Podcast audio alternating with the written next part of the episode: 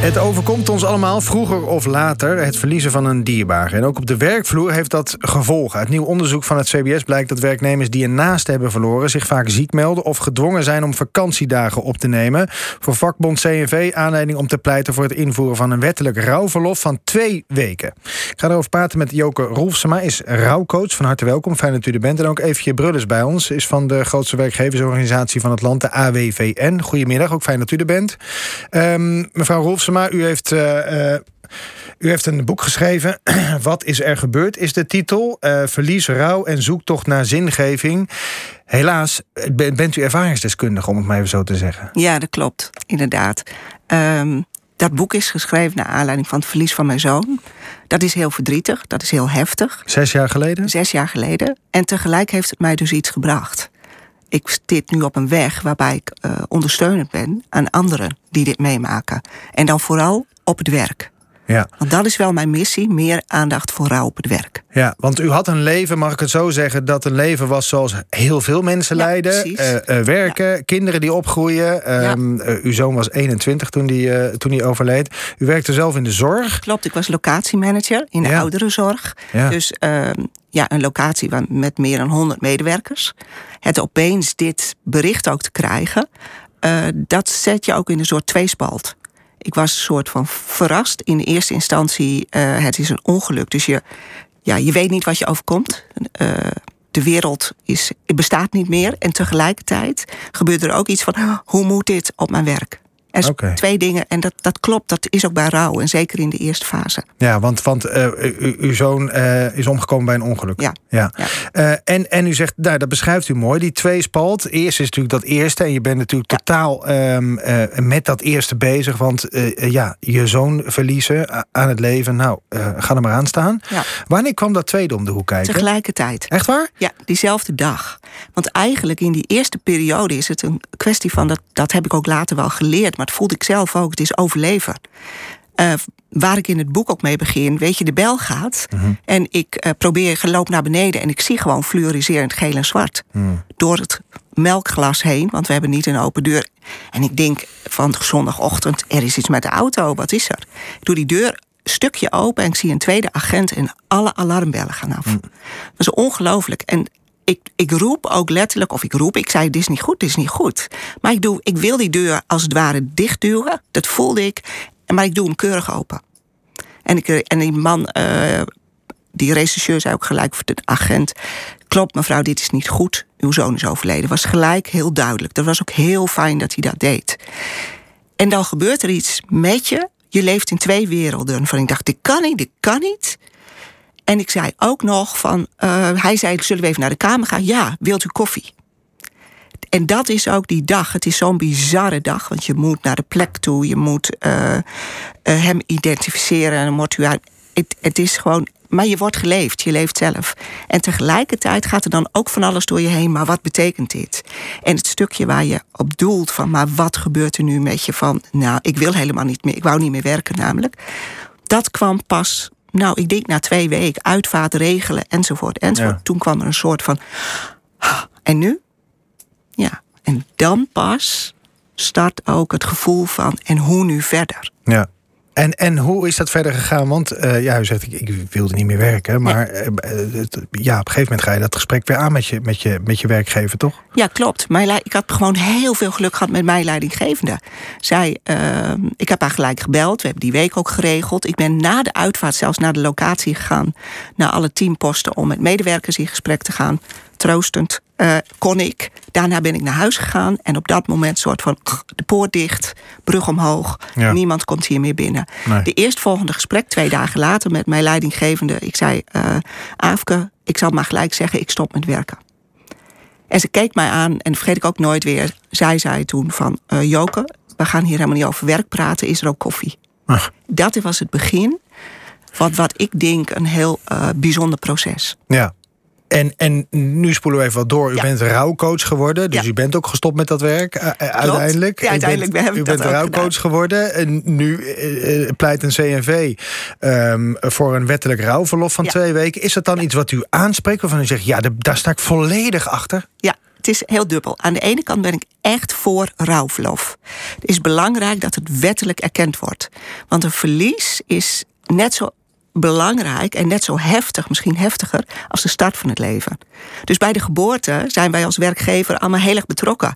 We gaan als team op kraamvisite, we doen allemaal leuke dingen. Leidinggevende komt langs, gaat zelfs in gesprek nog. Naar goede leidinggevende, hè? Een goede leidinggevende een goede komt, langs. En uh, die gaat zelfs in gesprek. En die uh, zegt, goh, nou, je komt straks terug. Uh, wat is de bedoeling? Wil je ouderschapsgeloof? Heb je een kolfkamer nodig?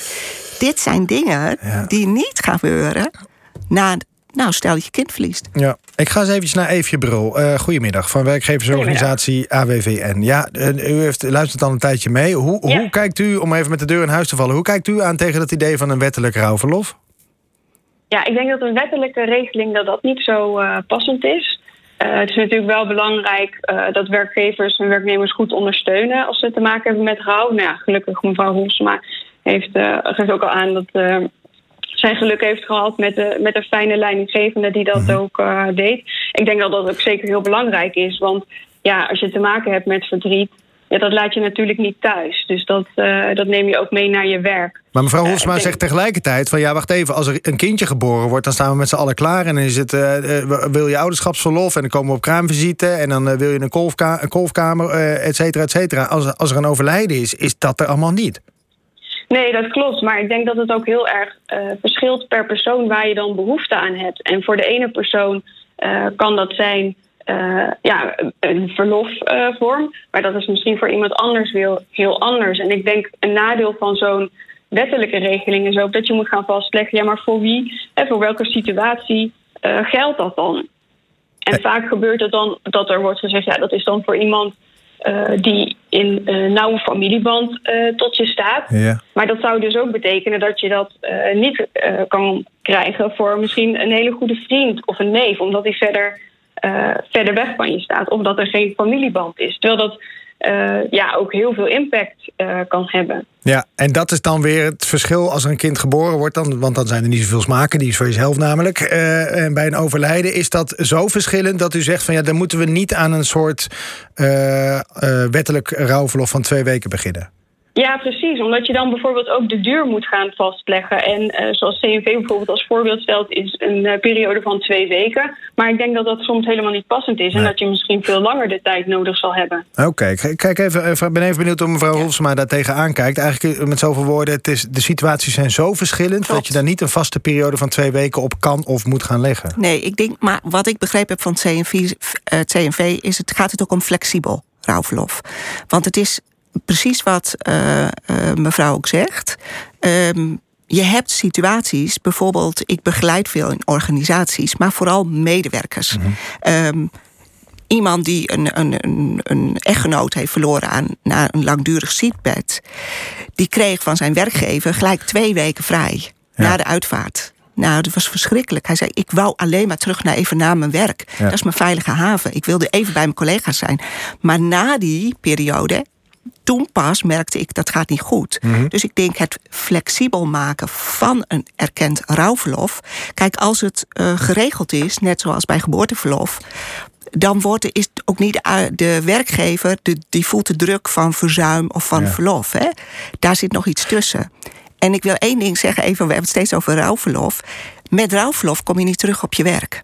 Want dan ben je thuis. Waar het mij om gaat, is dat rouwverlof, als je verlof geeft, wat belangrijk is, moet het in combinatie met maatwerk. Ja, en daarin moeten werkgever en werknemer er samen heel goed uitkomen. Um, en uh, Evie Brul van de ABVN. Dan kijk even naar het onderzoek van de, van de CNV. 37% van de werknemers eh, die een dierbare verliest... begint te vroeg weer met werken, zo onderzocht uh, uh, CNV. Dat, ja. voelt, dat voelt dan weer niet alsof werkgever en werknemer er heel goed uitkomen. Ja, ik denk dat ik hoor dat juist in de praktijk wel dat dat vaak wel uh, goed komt. En uh, wat ik al zei, als je zo'n wettelijke regeling afspreekt, dan, ja, dan kan dat juist ook weer heel star zijn. Terwijl zoals het nu gaat, uh, kan je juist dat maatwerk leveren. En ehm, nou, mevrouw Roesma gaf ook aan, soms is het juist, vinden mensen het juist fijn om weer aan het werk te gaan. Ja. Maar ook dan kun je nog kijken Uh, ja, begin je weer meteen met hele dagen of uh, ga je gedeeltelijk aan het werk. En kan er nog iets beter vanuit de werkgever? Of, of zegt u, nee, we zoals we het doen is het echt goed? ik denk zeker dat het soms beter kan. En dat zit ook wel vaak in hoe ga je het gesprek aan met, uh, met een medewerker. Dus dat je echt goed luistert van wat zou een werknemer helpen. Nou, het CNV bijvoorbeeld heeft daar ook een mooie handreiking uh, voor gemaakt. Dus hoe ga je ermee om op de werkvloer? En dat je bijvoorbeeld ook niet alleen, uh, nou, net als het gebeurd is, bijvoorbeeld aandacht hebt voor de werknemer, maar misschien juist ook na een tijdje om te kijken hoe het nu gaat. Ja, um, en, en, en als iemand er dan behoefte aan heeft, is daar gelukkig een rouwcoach. Want u begeleidt dus werk, werknemers uh, individueel als het gaat om hoe ze hiermee om moeten gaan als er een dierbare. Nee, eigenlijk gaat het niet om dat ik de werknemer begeleid, maar de werkgever en het team. Want die hebben de belangrijkste onderdelen. Aha, precies. Um, ik dank u beiden uh, voor dit gesprek. Rouwcoach Joke Rolfsema en Eefje Brul van de werkgeversvereniging AWVN.